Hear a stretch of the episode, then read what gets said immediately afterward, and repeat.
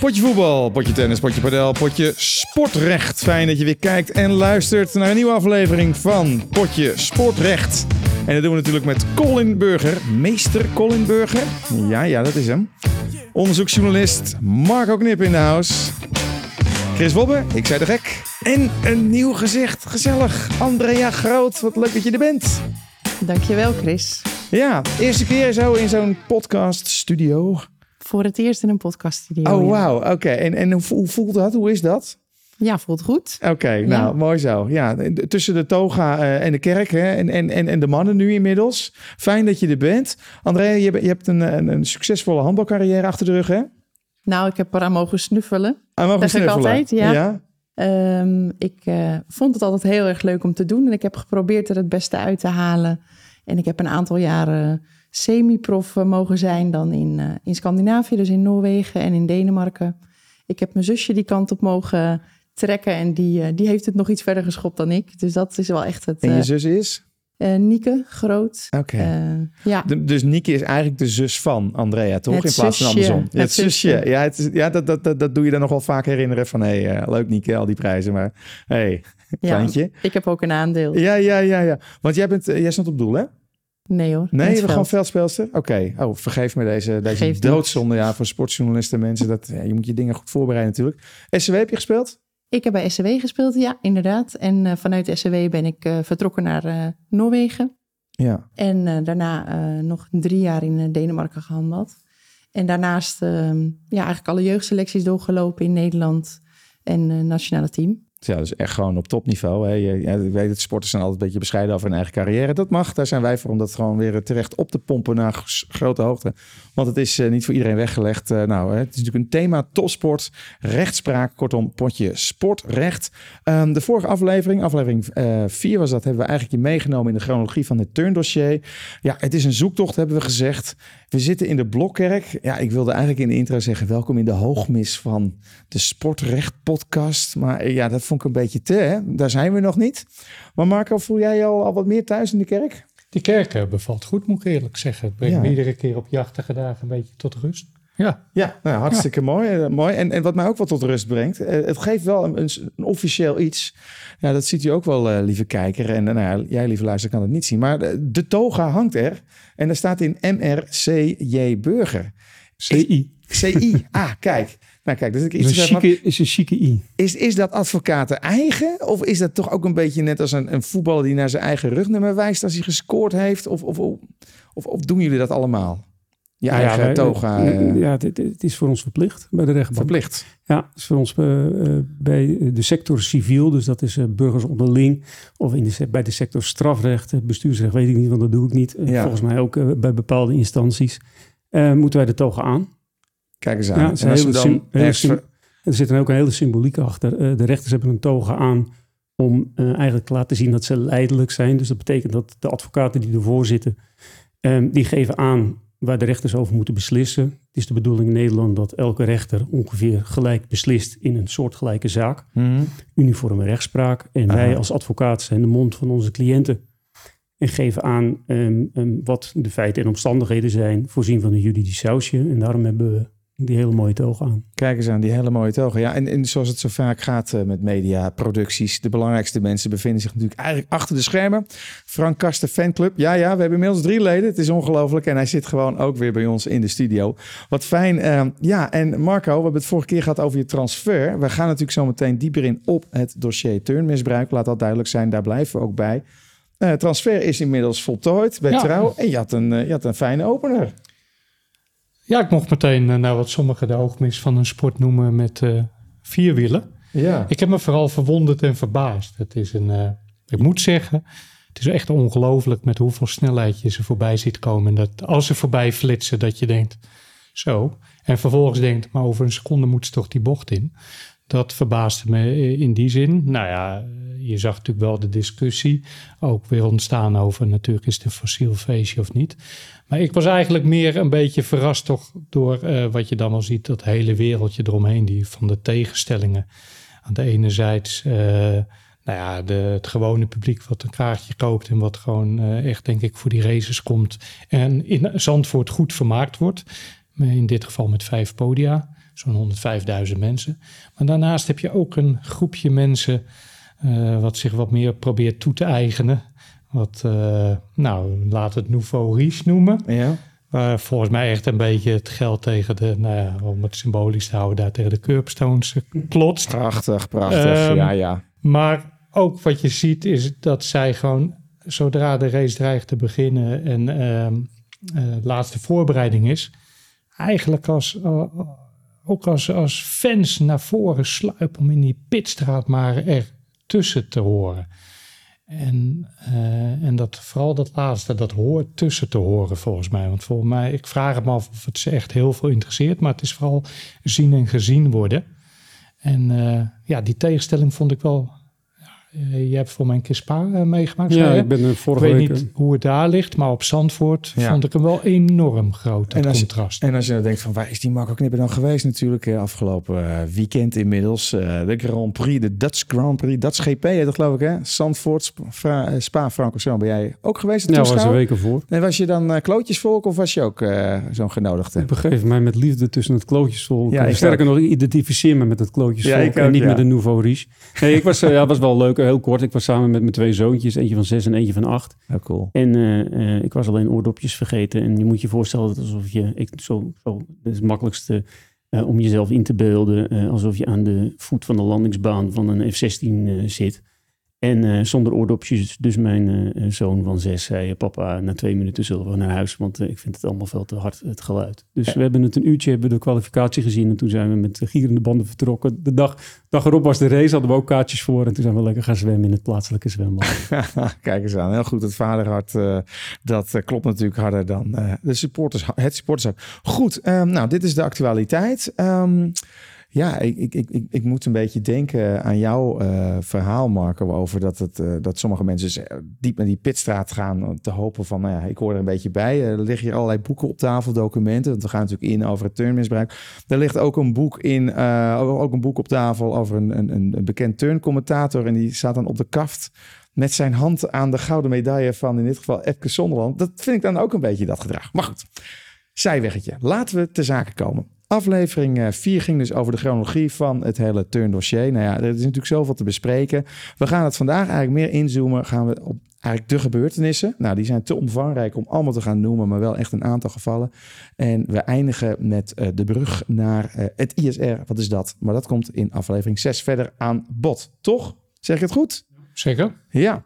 Nou, uh, Anna, jij natuurlijk ook, uh, lieve kijker en luisteraar, bedankt voor al je reacties. Want die hebben we gekregen en ook veel feedback. Een van de, de zaken, daar moet ik me goed op richten. Het ging af en toe een beetje alle kanten op, behalve de vorige uitzending. Daar gingen we lekker inzoomen op één onderwerp. En dat geldt hier ook voor, voor jullie allemaal. Onderbreek me, zeg wat je vindt, zeg wat je denkt.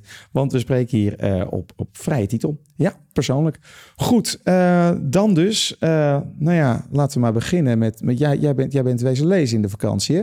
Ja, ik heb echt uh, inmiddels denk ik uh, honderden uren. Niet zoveel als Marco, daar uh, moet ik nog een paar jaar voor doorlezen denk ik. Maar ik heb inmiddels echt honderden uren besteed aan allerlei verschillende documenten. naslagwerken, uitspraken van de ISR, ehm, ook krantenartikelen, tegengeluiden. Um, maar eigenlijk ja, een van de meest indrukwekkende boeken ehm, waar ik tot voor kort eigenlijk geen weet van had. Uh, is het boek van uh, Simone Heidega en Stasia Keuler. Die heb mm -hmm. ik, uh, de, de onvrije oefening heet het. die heb ik in de vakantie ademloos in één ruk uitgelezen.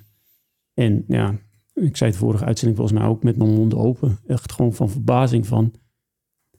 dat boek is in 2013 is het gepubliceerd. En um, dat daar niets, helemaal niets mee is gedaan. Ja, natuurlijk, er is wat aandacht geweest in de media hebben ze ook later, heb ik in een van die interviews volgens mij met Stasia gelezen van ja, je moet je voorstellen, wij waren met z'n tweeën. En, je hebt het over Stasia Keuler. Stasia Keuler en ja. Simone Heitinga. Um, ze waren met z'n tweeën en dan konden ze elkaar wel steunen. Ze hebben heel veel steun aan elkaar gehad en nog steeds, elke dag. Um, um, op het moment dat wat is, dan hebben ze snel contact met elkaar. En, en als de een er dan doorheen zat, pakte de ander het over. Maar op een gegeven moment ja, hield die strijd ook wel op. Um, en dat is eigenlijk, ja, dat, is zo verdrietig om te lezen. Van, dat gaat echt, um, Andrea, uh, die gaat ook straks een stukje nog voorlezen uit dat boek.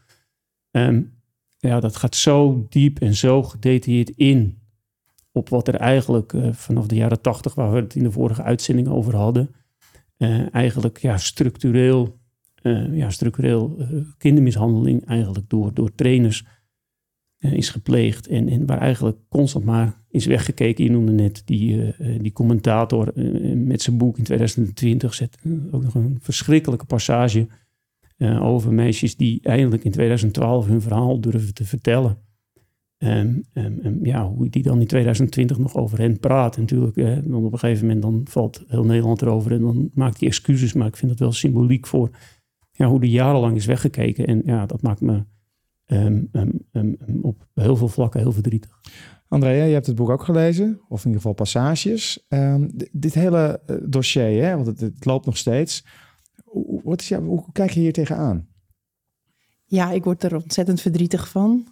Um, ik uh, vind het vooral heel schrijnend dat uh, niemand verantwoordelijk wordt gehouden voor uh, zijn of haar gedrag.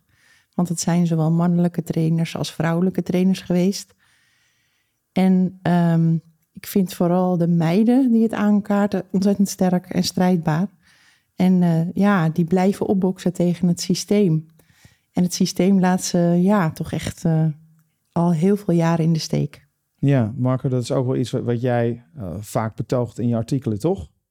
Nou, zeker. Wat je verwacht is inderdaad dat uh, uh, er ook naar die excuses, als excuses oprecht zijn, gaat daar vaak, hoort daar een vorm van reflectie aan vooraf te gaan. En reflectie vraagt compassie. En dat zijn nou precies de twee woorden die niet van toepassing zijn op alle instanties die met deze zaak te maken hebben. En we zijn nu twee jaar verder. En dat je soms, ook ik, me afvraagt van wat hebben die twee jaar opgeleverd. Um, en nou, dat zal ook terugkomen denk ik rond het instituut sportrechtspraak. Ja, het is gewoon, ze worden inderdaad in de, in de steek gelaten. En eigenlijk is het ook weer repeterend gedrag wat terugkomt. Want toen werd er, zeg maar, voor ze besloten, over ze geoordeeld, uh, werden ze gepasseerd, uh, werden hun gevoelens werden, zeg maar, afgekapt. En dat zie je nu eigenlijk weer gebeuren. Er wordt over ze gepraat, maar er wordt eigenlijk niet met ze gepraat. Laat staan dat er zeg maar ingespeeld wordt op hun behoeften of op hun uh, verwachtingspatroon. En dat is helemaal, ligt helemaal niet zo hoog. Ja, en dat ze zelf kunnen praten.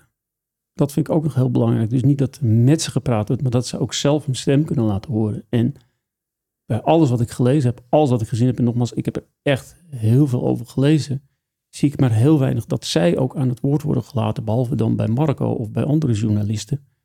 Um, maar ja. Maar de, de instanties die ervoor verantwoordelijk zijn.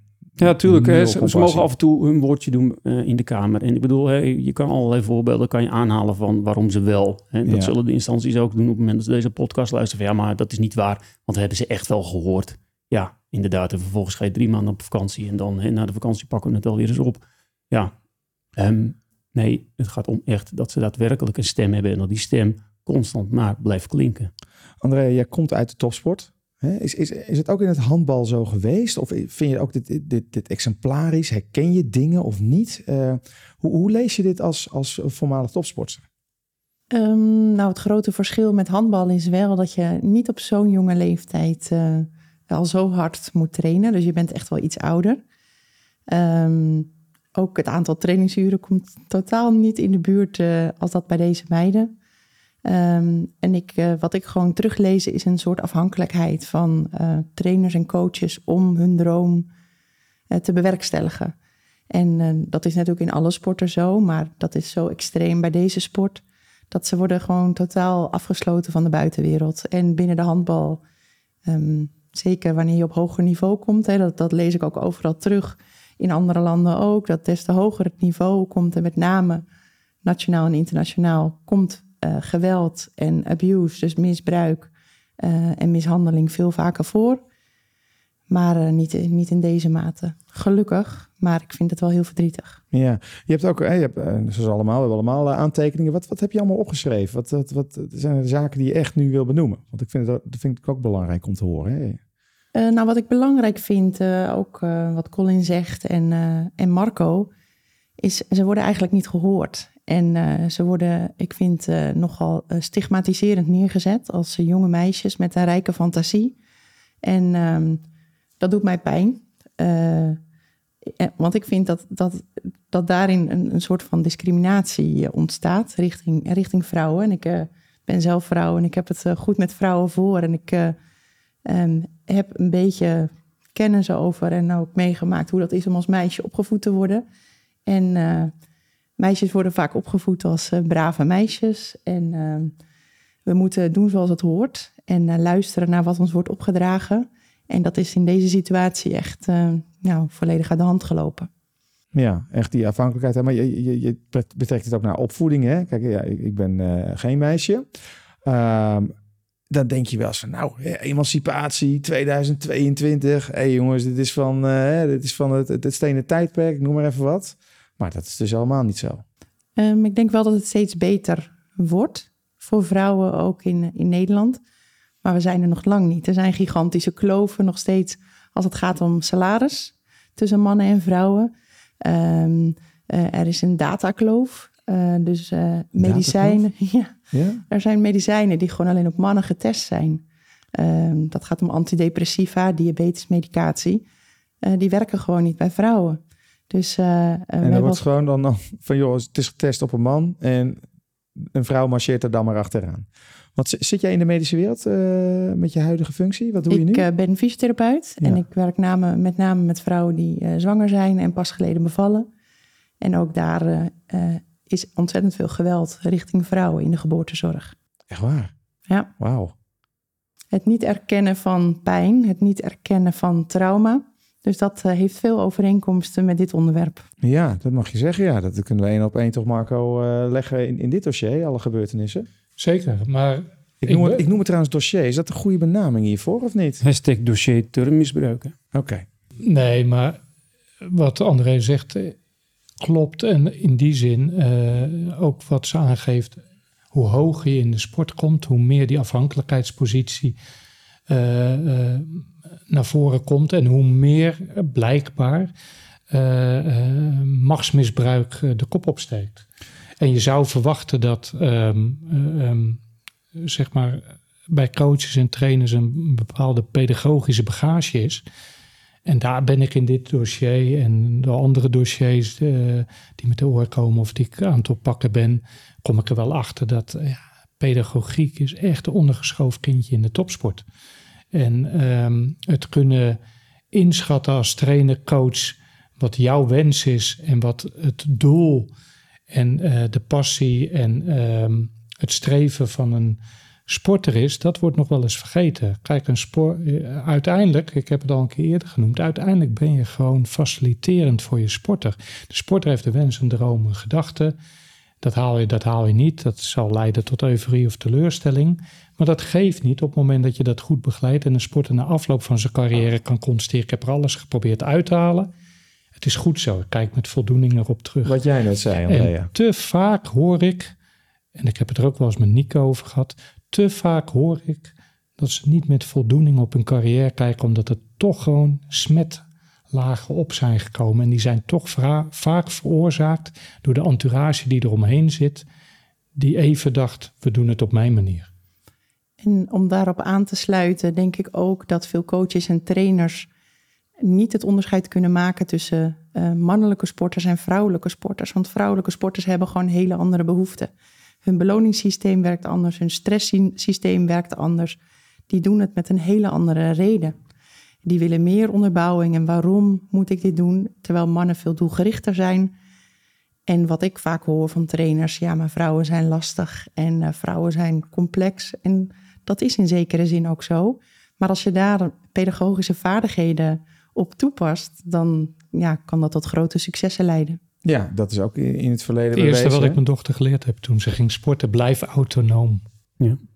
Blijf en begrijpt ze dat dan? Wat, wat, wat, wat papa Marco. Nou, het woordje autonoom, autonoom op die leeftijd misschien niet, maar de toelichting daarop wel. En, en dat bedoel je mee, blijf jezelf. Ja, en nou ja, en maak de keuzes waar jij achter staat. En als dat keuzes zijn die voor jou goed voelen en die voor je sportcarrière misschien minder goed zijn of waar kritiek op komt, dan weet dat je daarmee kan leven als het jouw afslag is die je wil nemen. Want dan ben je namelijk eigenaar, uh, is een mooi woord, een eigenaar van je carrière, maar je hebt de regie. En dan kan je zelf achteraf ook nooit wat verwijten. Hoe oud was je dochter? Nou, toen, toen want ze had ook een, een, negatieve ervaring. En toen is ze van club gewisseld. Dat was toch ook al op 11, 12-jarige leeftijd. En toen werd ze ook uitgescholden. En dan kreeg ze als reactie: hoe meer talent ik zie, hoe harder ik je aanpak.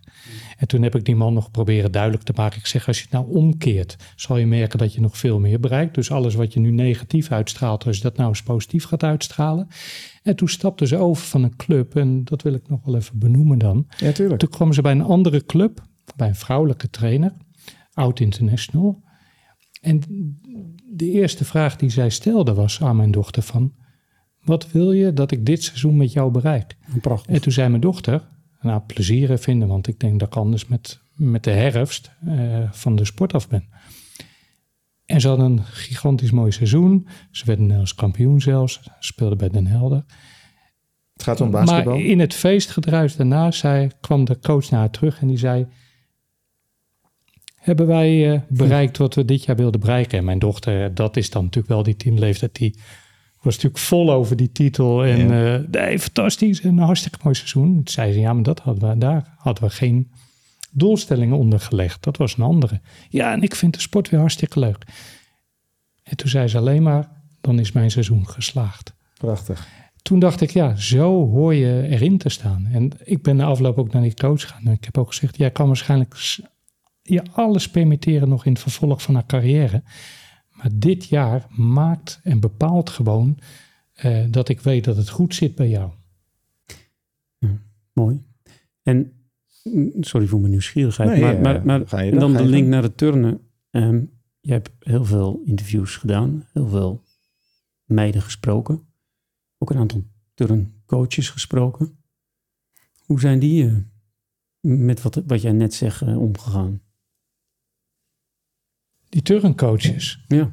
Nou, die meiden hebben als al, kijk, Simone en Stasje hebben het geprobeerd bij, de, bij hun boek. En Renske Endel, die ook onder Beltman werkt, heeft daar ook zeg maar meegesproken. Maar het gros van de meiden heeft überhaupt nooit de mogelijkheid gehad om ook niet na de carrière eigenlijk uh, uh, het erover te hebben met een coach. Ook niet zeg maar inderdaad van beide kanten te kijken van hoe heb je ik het ervaren, hoe heb jij het uh, waarom heb je gedaan wat je hebt gedaan? Um, en dat vind ik eigenlijk ook bepalend in dit hele traject. Op het moment dat je als coach oprecht vindt dat je misschien, uh, en dan kan je de tijdgeest behalen, je kan er van alles bij vinden, halen. Maar als je oprecht denkt dat je toen met een goede intentie had gedaan, wat ik niet geloof, maar stel, dan zou je er nu volgens mij voor open moeten staan om van die meiden van toen, jonge vrouwen van nu, veel mondiger, uh, een bepaald rouwproces al achter de rug, te willen horen van welke impact heeft het op jou gehad? Wat heeft het losgemaakt? Wat is mijn rol daarin geweest? Waar had ik uh, voor moeten waken, zeg maar? Waar moet ja. ik me misschien voor wapenen voor de toekomst? Ze staan er niet voor open. Uh, ze zijn tot, nou, echt niet tot reflectie te verleiden. Het gros zeker niet degene die eigenlijk nu, uh, uh, ze gaan toch genoemd worden, de Frank Louters van deze wereld, die nu in uh, de Vincent Wevers, de Patrick Kiens, die zeg maar in ISR-procedures verzeild zijn geraakt of nog in zitten. Ja, en dan kan je toch echt afvragen van, jongens, jullie hebben voor mij één belang gehad en dat is je eigen belang. Beltman wilde ook kampioen worden. Beltman wilde die medaille hebben. En Renske zei ook, ik gaandeweg kwam ik erachter. Zij pakte natuurlijk die zilveren medaille bij het WK in Gent. Maar dat was onder een andere trainer. Dat zat hem enorm dwars, want dat was... Hij, ik heb hem toen al gesproken en is me ook bijgebleven. Uh, het was zijn medaille, zo voelde hij dat nog steeds. Rob Renske wist dus ik was dus gewoon een product, een wegwerpartikel. Want als een ander talent dat gaat, had die moeten instappen om zijn doel kennelijk waar te maken. En die medaille heeft heel weinig waarde voor me. De enige waarde die die heeft, is dat hij me altijd verweet dat ik faalangstig was. Ik was sterk, dat wist ik van mezelf. Maar ik zat in een, in een omgeving waarin ik gewoon kapot gemaakt werd. En toen ik eenmaal uit die omgeving was en wel het vertrouwen kreeg en een, een coach ontmoette die al veel had meegemaakt uit Rusland voortkwam. En ken ik al tot het ja. uh, ken ik tot het inzicht was gekomen dat het op een andere manier moest. Toen hij haar die ruimte wel gaf, zag je hoe ze opeens kon schitteren. En achter de grote Svetlana Korkina gewoon uh, WK-zilver pakte in Gent in 2001. Ja, tot grote hoogte kan, kon presteren daar, inderdaad. En, en daar gaat het om. Ehm, maar goed, Renske Endel is een van de velen. Er zijn, nou ja, we, we leven nu wel gelukkig in de tijd dat er, ja, hoe schrijnend en verdrietig de verhalen ook zijn. Maar er zijn nu verhalen naar boven gekomen. Ehm, maar ook nog topje van de spreekwoordelijke ijsberg. Als we dan toch dieper in gaan zoomen op gebeurtenissen, getuigenissen. eh, jullie hebben allemaal documentatie meegenomen. Is er iemand die iets wil voordragen misschien, iets wil voorlezen, iets, iets wil vertellen over wat er al naar boven is gekomen? En ik heb het eigenlijk begin van de uitzending al gezegd. We kunnen niet alle feiten gaan noemen, want het, het is zo ongelooflijk veel. Maar so- sommige verhalen zijn misschien wel exemplarisch. Wie, wie Andrea? Ja, ik wil wel nog even toelichten voor ook de mensen die luisteren. Dat als we het hebben over misbruik of geweld, dat dat niet altijd gaat om een klap geven aan iemand of iemand fysiek iets aandoen. En ehm, dat, dat, in wordt dat het onder wordt verdeeld in verschillende categorieën. Seksueel geweld is er één van. Ehm, fysiek geweld. Maar ook fysiek geweld kent weer allerlei gradaties. Ehm, iemand met een blessure door laten trainen wordt ook onder fysiek geweld gerekend. We hebben Ja. psychologisch geweld. Ja, dat, dat zijn vernederingen, maar ook iemand negeren bijvoorbeeld. En dan heb je ook nog verwaarlozing. Dus iemand echt, eh, ehm, nou bijvoorbeeld niet medische zorg eh, toedienen of iemand eh, weghouden van school. En dat is eigenlijk het complete plaatje. Maar ik wil het, het, het deel van Simone wel even voorlezen. Dus waar ga je uit voordragen? Wat, Ik ga een episode voorlezen uit het boek van Simone Heitinga en Stasja Keuler, De Onvrije Oefening. En het speelt zich af in 1991, 1992. En volgens mij was Simone daar een jaar of eh, elf. En eh, dat is op de training. Oké. Ik durf me niet te bewegen en mijn blik nergens anders op te richten dan op de grond. Naar de inmiddels welbekende bruine tegeltjes met de witte kit. Zo wacht ik tot Gerrit komt om zijn agressie op mij te botvieren. De vraag is wanneer. Ik heb een drukkend, benauwd gevoel van binnen. Ik kan nergens heen. Ik kan alleen maar wachten totdat ik wederom moet ondergaan wat hij in zijn hoofd haalt. Zoals altijd luister ik of zijn voetstappen al mijn richting opkomen. Ondertussen focus ik me op de kitlijntjes tussen de tegeltjes op de grond. Ik weet uit ervaring dat de lijntjes op een gegeven moment gaan vervormen en als je nog langer staart, dan beginnen ze te dansen in de lucht, terwijl de rest om me heen zwart wordt. Ik weet nooit hoe lang het duurt voordat mijn trainer komt. Soms minuten, soms uren. Dan hoor ik zijn voetstappen in hoog tempo naderen. Boem, met een smak vliegt de deur open tegen de houten bankjes waarop ik zit. De harde klap veroorzaakt een shock voor mijn lichaam. Gerrit stormt agressief op me af, zijn blik vol haat op mij gericht. Zijn ogen zijn samengeknepen van woede, waardoor de huid tussen zijn ogen rimpelt. Voor ik het besef, vlieg ik door de lucht, naar de andere kant van de ruimte en ik beland in de hoek, tegen de muur. Gerrits bril valt bijna van zijn neus.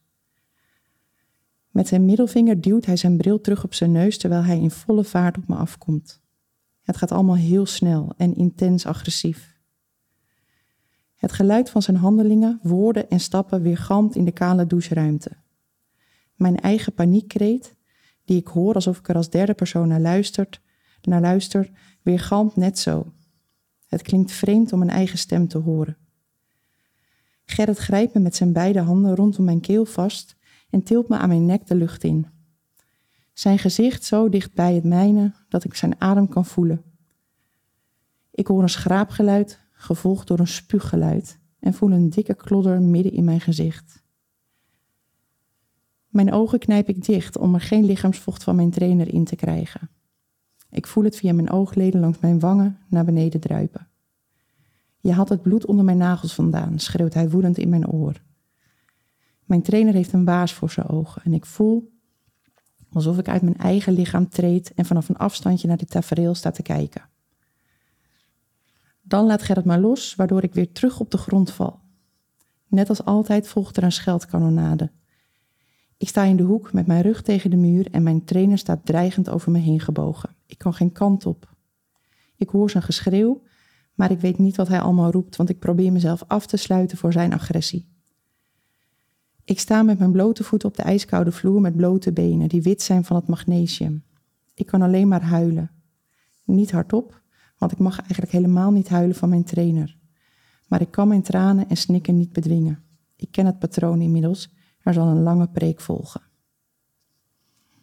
Zo, hier zeg. Ja, daar word je stil van. Nee. Ja. En helaas eh, niet eh, de enige, want het is een fragment. Eh, het is echt gewoon te bizar voor woorden dat je beseft dat, dat dit nog een keer duizend gebeurt. Dit, ik wijs naar die toga, Ja, is kindermishandeling. absoluut. En die andere trainers zullen wellicht zeggen, ja, maar dat was Beltman, dat was ik niet. Andrea heeft net genoemd dat ook ongewenst gedrag kindermishandeling is. Nou, ja. Wijs ik weer naar die toga, dat is dit ook. Ja, En daar kan ik bij aansluiten, want dat was natuurlijk ook de reden waarom we destijds met die publicatie rond Beltman en die tien getuigenissen bewust ervoor kozen om in eerste instantie die anonimiteit eh, te volgen bij die oud-turnsters en turnsters.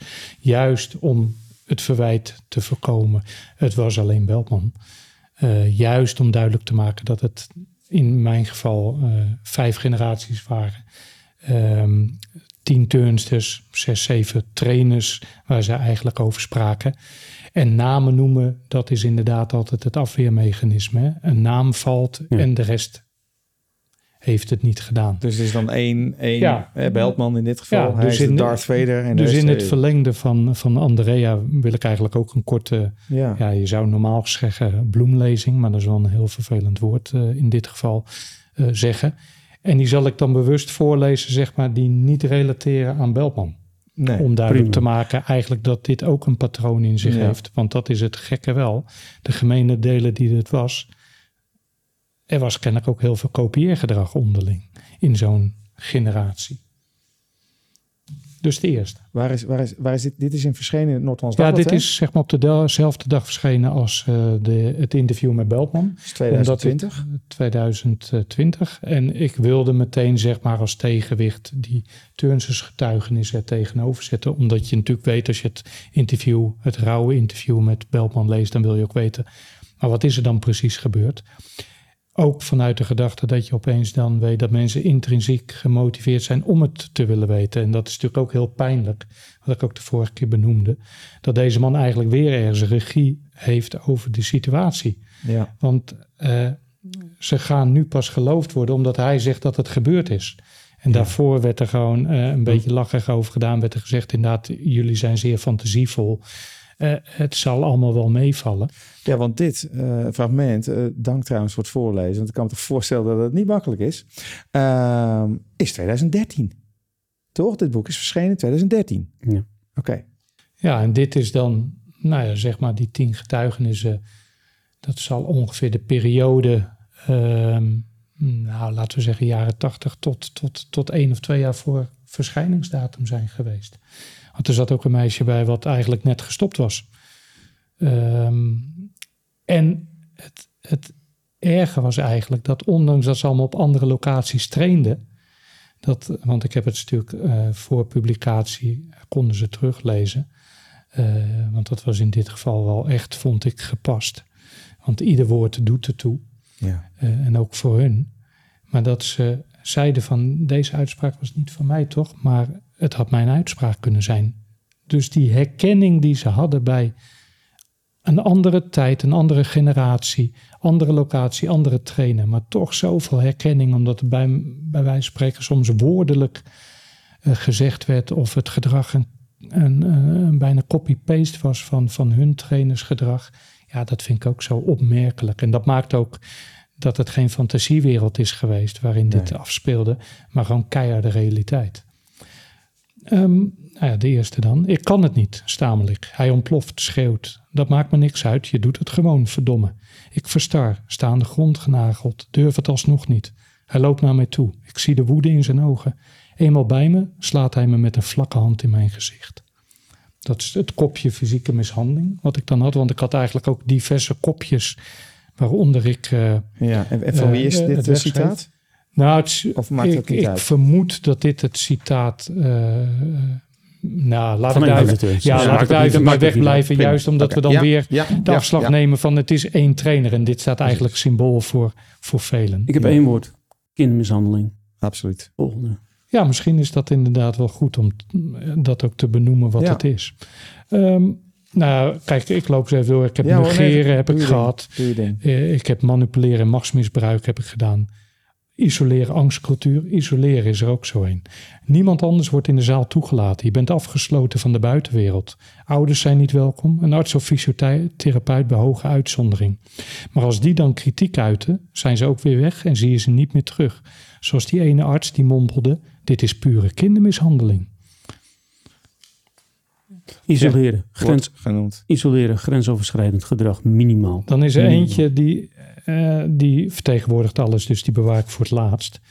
Die gaat over, dat zal ik alvast zeggen, over Frank Louter, waar binnenkort eh, een ISR-zitting over is. Ehm, de trainer bestempelt een meisje uit de groep tot rolmodel. Neem een voorbeeld aan haar. Zij leidt aan anorexia. De boodschap heeft dus een dubbele betekenis. Haar maakt haar duidelijk dat ze ziek moet blijven. Ons wordt verteld dat wij ook op een ongezonde manier met het lichaam om moeten gaan. Getekend voor het leven, het kopje. Dat was een beetje de afsluitende waarvan ik aan ze vroeg van wat heeft het bij je losgemaakt. Je bent van je identiteit beroofd, voelt je een mislukkeling, ontwikkelt een sociale angst. Leven wordt overleven.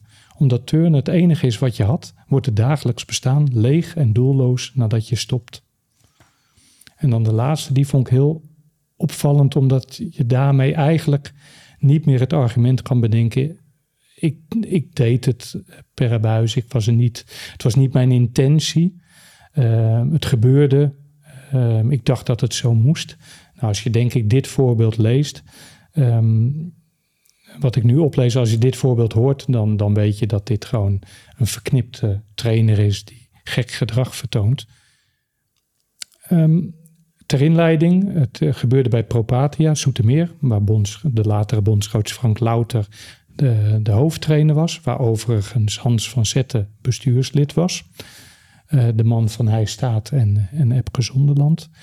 En de meiden hadden vaak een ochtendtraining, gingen dan naar school uh, om de hoek en kwamen dan voor de middagtraining weer terug. En uh, toen ze terugkwamen voor de middagtraining, hing dit briefje op de deur. Opgehangen door, want dat handschrift herkenden ze, door Frank Louter. Welkom in het revalidatiecentrum van Popatria.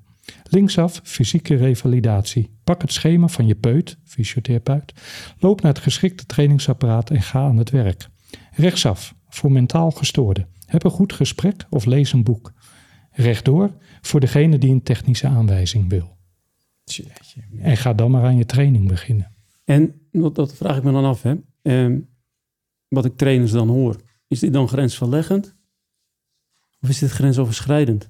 Ik heb begrepen dat hij het grensverleggend noemde. Net als dat ik heel vaak hoor dat topsport hard is. Is dat briefje wat net um, wordt voorgelezen, daar wordt van gezegd dat het grensverleggend is? Nou, ik neem aan in zijn optiek dat hij dit grensverleggend noemt. Of in ieder geval, misschien is dit zijn manier om een, een, een sporten weerbaar te maken, om hard te maken. Alleen, en ik denk dat Andrea zal er zeker een aanvulling op kunnen hebben. Um, de, de kardinale fout die steeds gemaakt wordt bij verdediging van dit soort excessen is dat ze zeggen: ja, maar topsport is hard. Maar hard is heel wat anders dan kindermishandeling of grensoverschrijdend gedrag. Hard is dat je een sporter voorhoudt wat je moet doen om de top te bereiken. Dat vraagt offers, dat vraagt inspanning, dat vraagt keuzes. Op die keuzes, inspanning en offers kan je eventueel afgerekend worden. Dat, want ik bedoel, samen in de topsport optrekken heeft een soort van rechten en plichten in zich. Maar dat betekent niet dat je de mens achter de sporten niet ziet. En dat is wat je hierin terugleest. De sporter is geen mens meer, lijkt het voor de trainer. Het is een product, het is een wegwerpartikel, het is een gebruiksvoorwerp. En daar gaat het mis.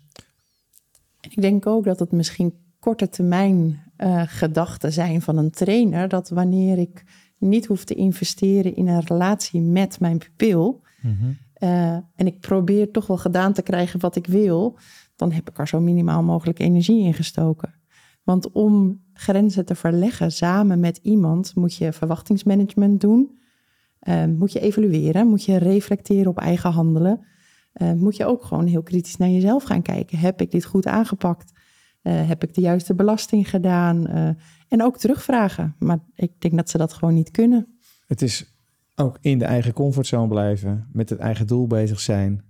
Die knoppen druk ik in. En wat het gevolg is voor een ander, in dit geval de sporter, ja, I don't care of het doet me niks. Of, want herken je dat ook in jouw werkzaamheden, wat je doet? Wat je ook schetste, uh, als inmiddels als fysiotherapeut. Om, want ik, ik zag je namelijk enorm knikken en, en, wat, Marco allemaal zei.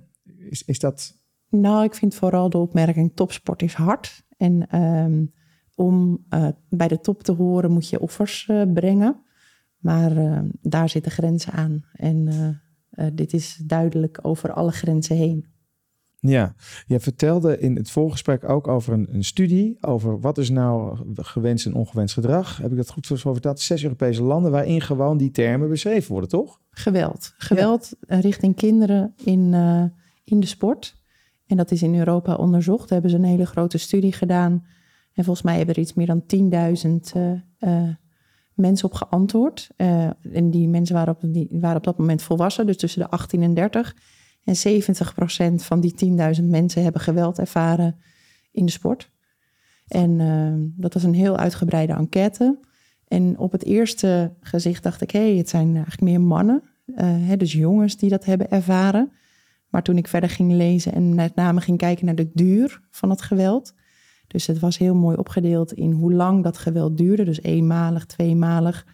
En het laatste kopje was langer dan twee jaar. Dan waren de vrouwen uh, ja, veel langer slachtoffer van het geweld. Goh. En als jij zegt over 70% heb je dan, als je kijkt naar die respondenten dan, die dan terugkijken op die tijd, 7000 personen. Dat is, ja. dat in, ongelooflijk. Maar dus dat vrouwen inderdaad, uh, die kwamen dus meer naar boven in dat onderzoek als slachtoffer van langdurig geweld. Want Marco, dat is ook iets van, wat verweerd, uh, wat als verweer wordt gebruikt. Ja, maar goed, dus, dat is een incident, weet je wel. Ja, dat kan een keer gebeuren. Maar dat is, dit is structureel, toch? Dit is systematisch, dit is een patroon, dit is... Ja. En een verkeerde intentie. En dat vind ik nog het erge. Want we, uh, iedere ouder komt uh, met kinderen, komt gewoon uh, op het kruispunt staan. mijn kinderen willen op sport, want dat is gezond, dat wordt ook gezegd.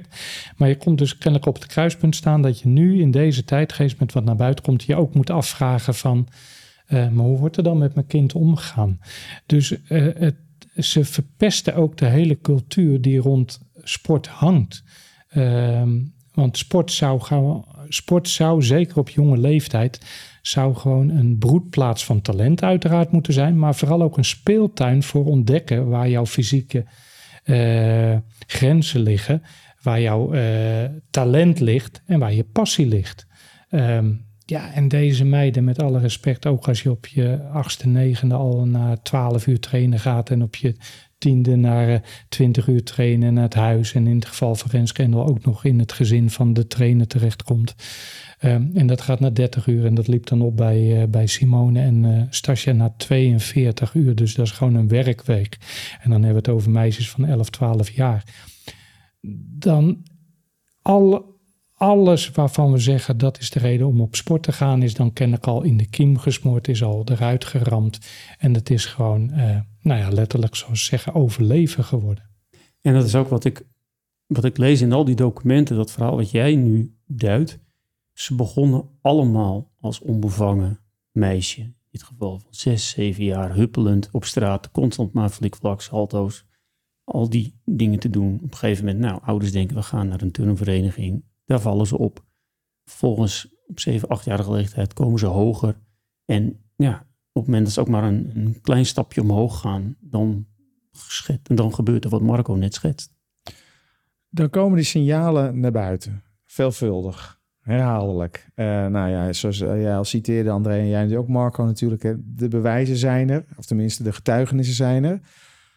Hoe kan het nou dat het dan in principe Oké, we hebben twee wat, wat roerigere jaren achter de gehad. Dat het stil blijft. Hoe kan dus, dat nou? Ik, ik vind dat bizar. Ik denk dat ik daar iets, uh, dat ik daar een innig recht van spreken van uh, uh, over heb. Um, ja, waar is het Openbaar Ministerie geweest in al die jaren? Um, dit is gewoon kindermishandeling.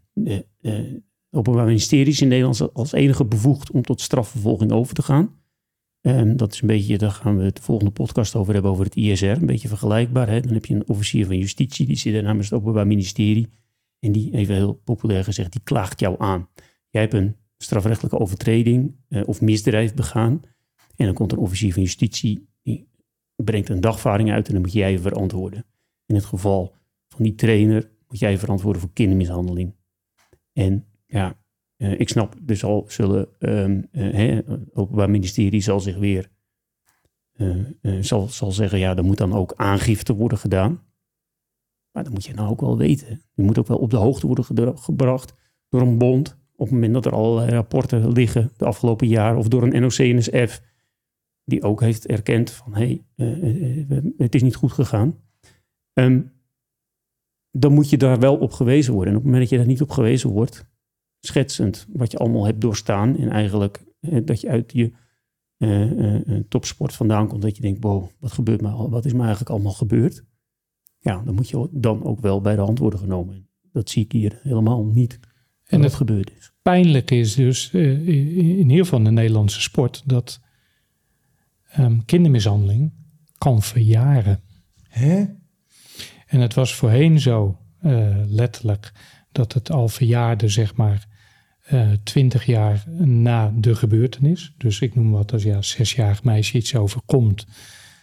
Met de hele rouwfase. Überhaupt zeg maar de fase dat je beseft dat dit niet oké was. Ik bedoel, daar gaat al een hele periode aan heen. Want uh, als je natuurlijk in die wereld dag in dag uit opgroeit, is er een normalisatieproces. Dus voordat je het besef heeft, het was niet oké. Okay. Ben je al een tijd verder, dan komt natuurlijk de rouwfase dat je het moet verwerken. Op het moment dat je dan enigszins geheel bent in de moed verzamelt om naar buiten te treden. Nou, dat zal al heel snel richting die 20 jaar gaan. Dan krijg je te horen dat het verjaard is.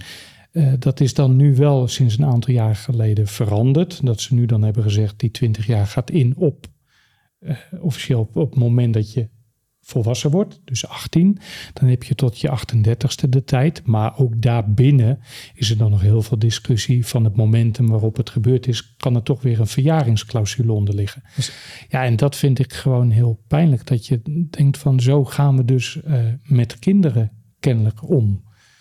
Um, ja, waar zit de rechtsbescherming? Waar zit inderdaad buiten het Openbaar Ministerie? Waar zit de waar zit de schok? Waar zit de. de um, de prikkel om hier ja, te doen. Nou, de prikkel, maar we zitten ook vooral uh, uh, de woede bij mensen die zeggen: dit kan toch niet? Nee. En dan, zou, dan is er één partij waarvan je zou denken: die staan op. Dat zijn de orthopedagogen. Die, die, die gaan duidelijk maken dat, dat we zo niet om horen te gaan in sport. In onderwijs is dat al redelijk duidelijk, want dan, ik denk met dit gedrag ben je gewoon je onderwijslicentie kwijt. Ja, al, al wel eerder. Um, maar dan nog, maar, maar dan nog. Maar in, dan de, nog. in de sport lijkt het gewoon alsof we een soort van vrijplaats voor uh, excess hebben gecreëerd. Ja, en, en, Waarin en, dan ook nog ter afsluiting ja, de natuurlijke reactie van bonden en instanties is. We beschermen in eerste instantie de pleger en dan gaan we eens kijken naar het slachtoffer. Dus ook dan voelt het slachtoffer zich weer alleen gelaten, want dan heb je die moed verzameld en dan krijg je eigenlijk te horen, ja, maar ja, het belang van die pleger uh, staat wel voorop, want ja, je kan niet zomaar iemand beschuldigen. Maar je kan kennelijk wel, jaar in jaar uit, dag in dag uit, uur naar uur, kan je kennelijk wel iemand mishandelen. Geestelijk, fysiek, emotioneel, seksueel. Worden vrouwen ook minder snel geloofd hierin? Meisjes. Ja, ik kijk even naar jou, maar misschien vind je dat wel vervelend. Dat je denkt, nou goh, hè, er zit één vraag en dan komt hij met die vraag naar jou toe. Dus. dat argument is natuurlijk wel meerdere keren aangedragen. Um, hè, dat ze als fantasievol uh, werden genoemd. Uh, uh, ja, dat ze zich aanstelden. dat ze media geil zijn, omdat ze graag op de ja. voorgrond willen blijven. Ja. Um, had, had, jij dat boek nog uh, bij, bij van uh, wat we net op tafel hadden ja, liggen? Ja, eigenlijk, ik ga het niet uh, nee, maar dat laten zien. Wat, maar... wat me ook nog heeft gestoord, buiten wat André terecht schetst, is dat er ook altijd werd gezegd, ja, maar degene die nu naar buiten komen, waren degene die het niet haalden. Ja. Ja. De slechte verliezers. zij waren niet sterk genoeg. Nou, durf je te zeggen dat geen volwassenen en de trainers die het gedaan hebben voorop dat blijkt nu uit hun eigen wegduikgedrag, die zouden dit regime meer dan een week hebben overleefd. En deze meiden hebben dus jaar in jaar uit, hebben ze dit gewoon volgehouden. Dat zegt iets over passie, dat zegt iets over loyaliteit. Ehm, kom op. En dat zegt iets over hen. Dat wat Andrea zei, het zijn hele sterke vrouwen. Precies. Hoe anders is dat met eh, de reactie eh, op al deze getuigenissen? Want eh, daar zijn we nu onder meer bij beland. ja, er werd een nieuw instituut opgetuigd, het ISR, toch? Instituut Sportrechtspraak. Ja. Instituut Sportrechtspraak. En dat heeft zich ook over deze zaak gebogen. Het is een ontluisterende zaak. Daarover de volgende aflevering. Dat is inmiddels aflevering 6. Andrea, dankjewel voor je bijdrages. Colin, jij natuurlijk ook. En Marco, uiteraard ook. En jij, lieve kijker, fijne luisteraar. Frank, jij bedankt. Hij eh, is nog wakker. Natuurlijk uh, harde werker, want het is natuurlijk een ongelooflijk beeld. We zijn nog lang niet waar we moeten zijn. Dit verhaal ja, kent helaas nu nog geen einde. Maar aflevering 6 gaan wij dus inzoomen op dat ISR. Dankjewel voor het kijken. Dankjewel voor het luisteren. Tot de volgende aflevering van Potje Sportrecht.